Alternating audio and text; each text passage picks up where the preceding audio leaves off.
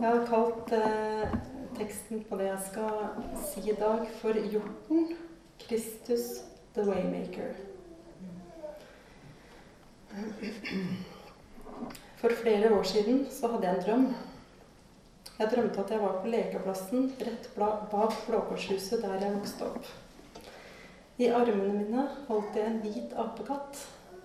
Jeg klemte den og tullet med den. Jeg husker godt hvor gode klemmer den ga meg. Det var som om den trengte meg, det føltes ut som jeg trengte den. Apekatten hadde et solid tak rundt nakken min, og mens jeg sto der og klemte den, så jeg en hjort som gikk forbi. Først la jeg ikke så godt merke til den. Jeg var altfor opptatt av å kose med den hvite apekatten. Men så stoppet hjorten opp et stykke unna der jeg sto. Den så på meg før den løp videre. Da den var ute av syne, fikk jeg et kjapt glimt av et forlokkende sollys der borte i horisonten. Jeg aner ikke hvor jorden gikk. Jeg husker at jeg stoppet opp et lite øyeblikk og tenkte Hvorfor i all verden var den gjort her? Da jeg våknet, skyndte jeg meg å skrive det ned. Jeg skjønte at det var noe Gud ønsket å vise meg, men jeg ante ikke hva. Jeg leste meg opp på drømmesymbolikk med kristen fortegn.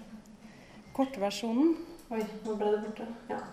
Kortversjonen er at en hvit apekatt ofte representerer det religiøse. Hjorten er et Kristus-symbol. I drømmen var jeg bemerkelsesverdig lite opptatt av hjorten, men veldig opphengt i apekatten. Dette ble en tankevekker for meg, men jeg følte likevel at aktualiteten i drømmen lå lenger fram i tid.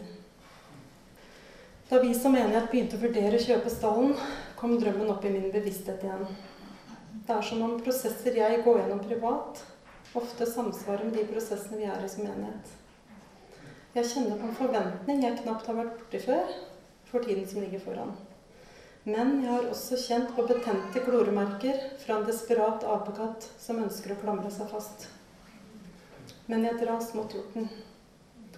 Hjorten opptar tankene mine og, ikke, og jeg kommer ikke unna noen spørsmål som dukker opp i mitt indre. Hvis hjortene representerer Jesus i drømmen, hvorfor i all verden viste Jesus seg for meg som en hjort?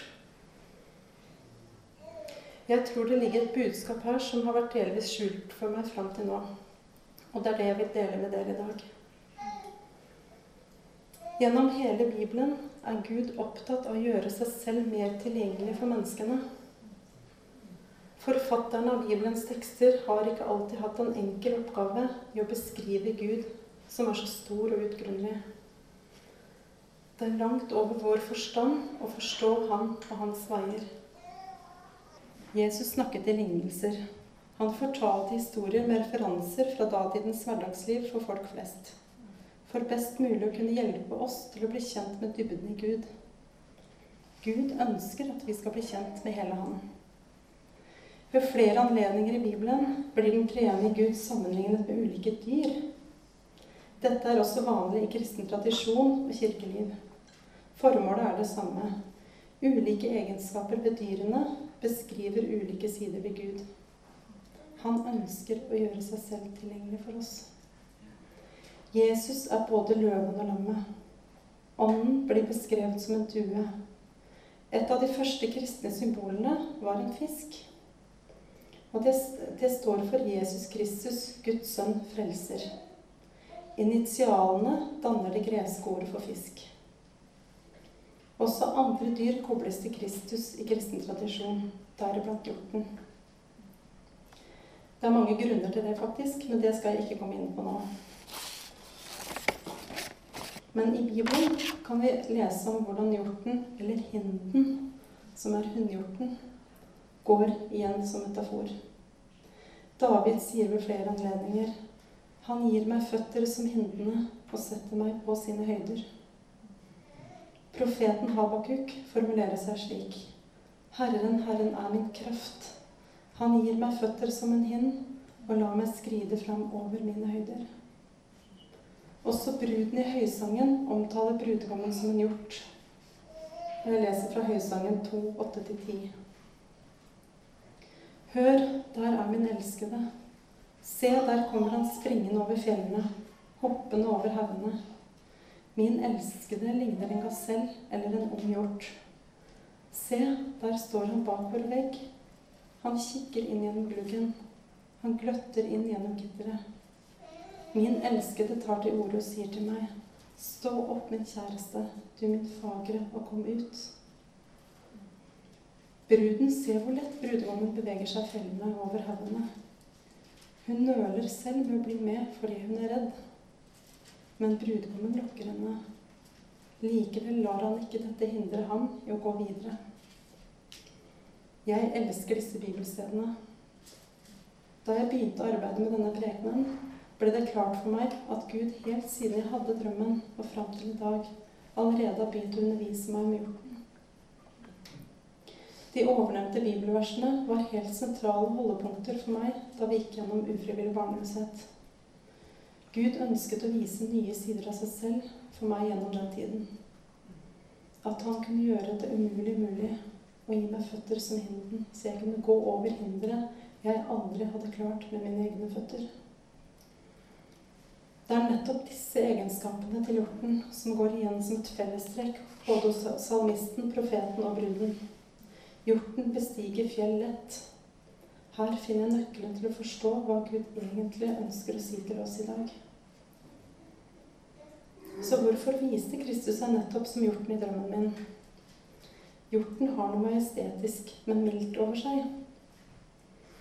Wikipedia sier om hjorten Hjorten har en unik evne til å ta seg hurtig fram i alle typer landskap. Hjorten har svært godt nattesyn.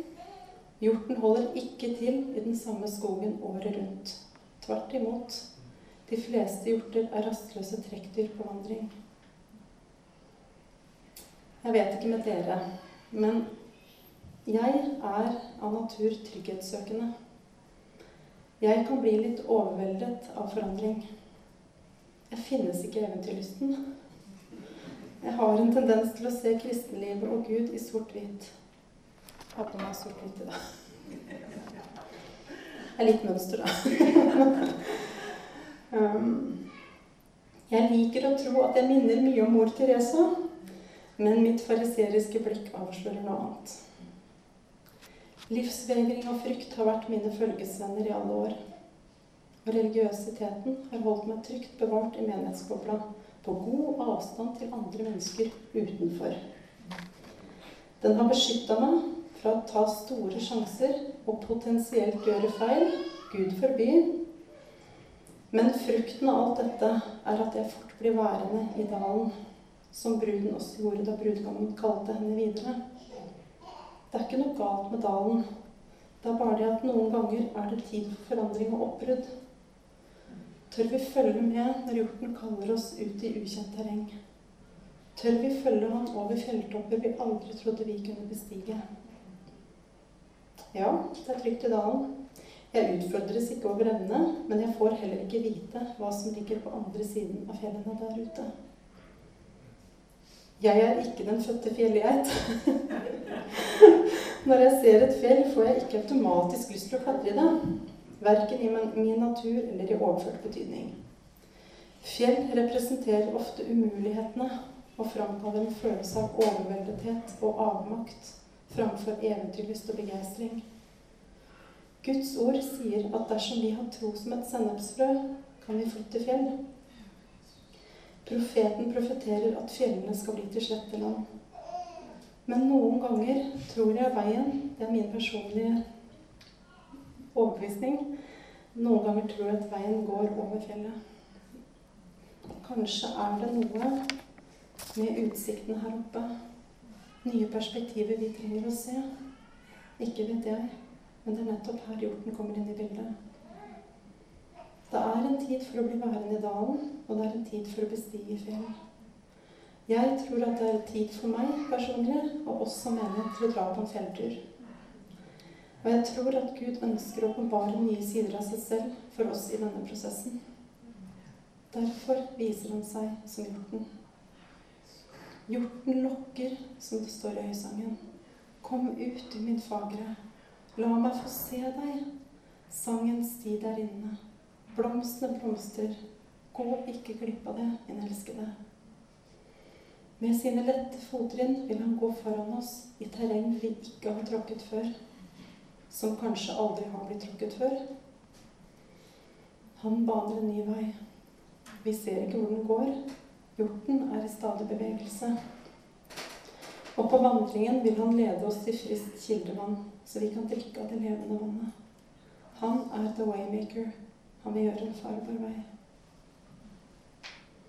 Og som jeg sa innledningsvis, ønsker Gud å gjøre seg tilgjengelig for oss. Den ultimate måten å vise oss dette på er gjennom Jesus. Men lenge før Jesus benyttes andre virkemidler for å avdekke hvem Gud er, som jeg har vært inne på tidligere. I den hebraiske bibelen brukes 20 ulike navn på Gud. Alle navnene avdekker nye sider ved Gud. Han vil at vi skal bli kjent med ham. En av de første gangene Det er kanskje den første, men jeg er ikke noe teolog, så det veit jeg ikke. en av de første gangene vi ser at mennesker gir Gud et navn, det er i første Mosbok, kapittel 16, vers 13. Den egyptiske trellkvinnen Hagar rømmer fra sin husfrue Sarai. I ørkenen møter Gud henne og som en spontan reaksjon på Guds omsorg utbryter Hagar El Roi, du er Gud, den som ser meg. Gud ser hver enkelt av oss, og han ønsker å vise sin omsorg for alle mennesker. Han ønsker at vi skal erfare hvem han er. Og det er nettopp gjennom slike vitnesbyrd som fra Hagar at vi andre også blir klar over nye sider ved Gud nye navn vi ikke før har kjent ham med. I disse tider er vi i ferd med å oppdage Gud som the waymaker. Eller hvis jeg skulle sette mine egne spontane ord på det, slik Hagar gjorde, ville det vært Du er Kristus, fjellbestigeren. En kjær far har mange navn.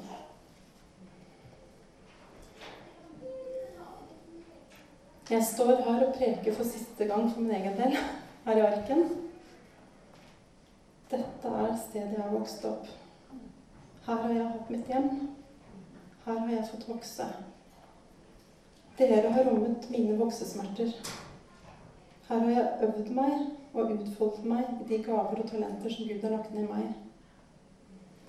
Selv om ikke alt har vært bra av det som har foregått innenfor disse veggene, så kjenner jeg i dag først og fremst på en takknemlighet han har bevart meg gjennom alt, og jeg kan si at han har gjort alle ting vel for meg. Nå står vi innenfor en ny epoke, og jeg kjenner at han sitter der med spenning og forventning over det som ligger foran. Vi har våget å drømme, og vi har våget å begi oss ut på noe ukjent.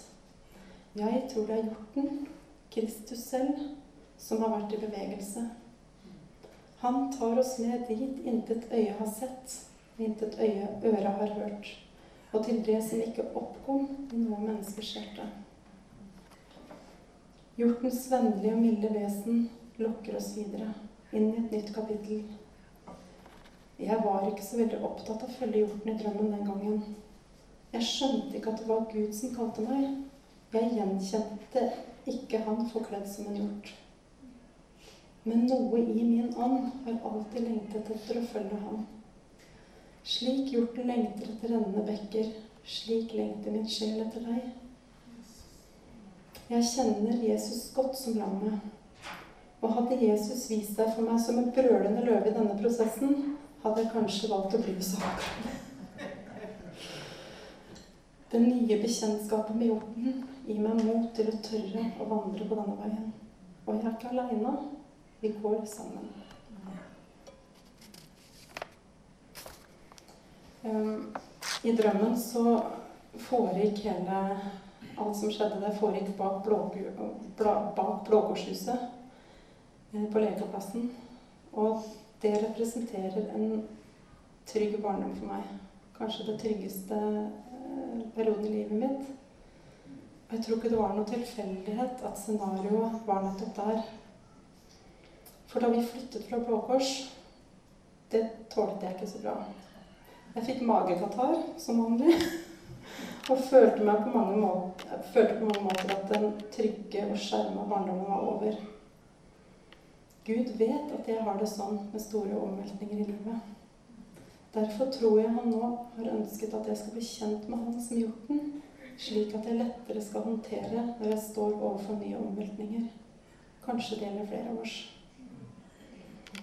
Apekatten representerer nok ikke bare det religiøse. Den representerer kanskje det vi alle periodevis kan oppleve at sinker oss når Jesus inviterer til å følge dit han går. Som menighet står vi inn for nye utfordringer. Utsikten fra vandringen vi har begynt på, gir oss nye perspektiver. Vi merker hvordan begrepet kirke utvider seg.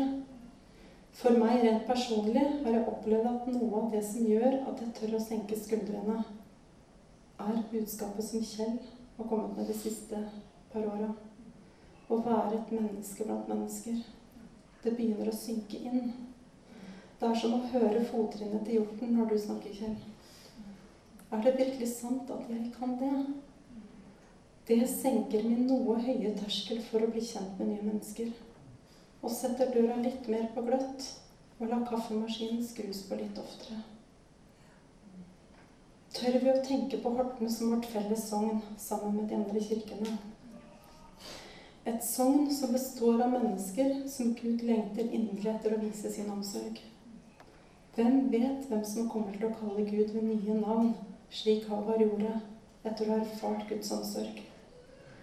Kanskje finner vi Gud på steder vi ikke umiddelbart tenkte at han manket, eller i mennesker vi ikke trodde han fantes i.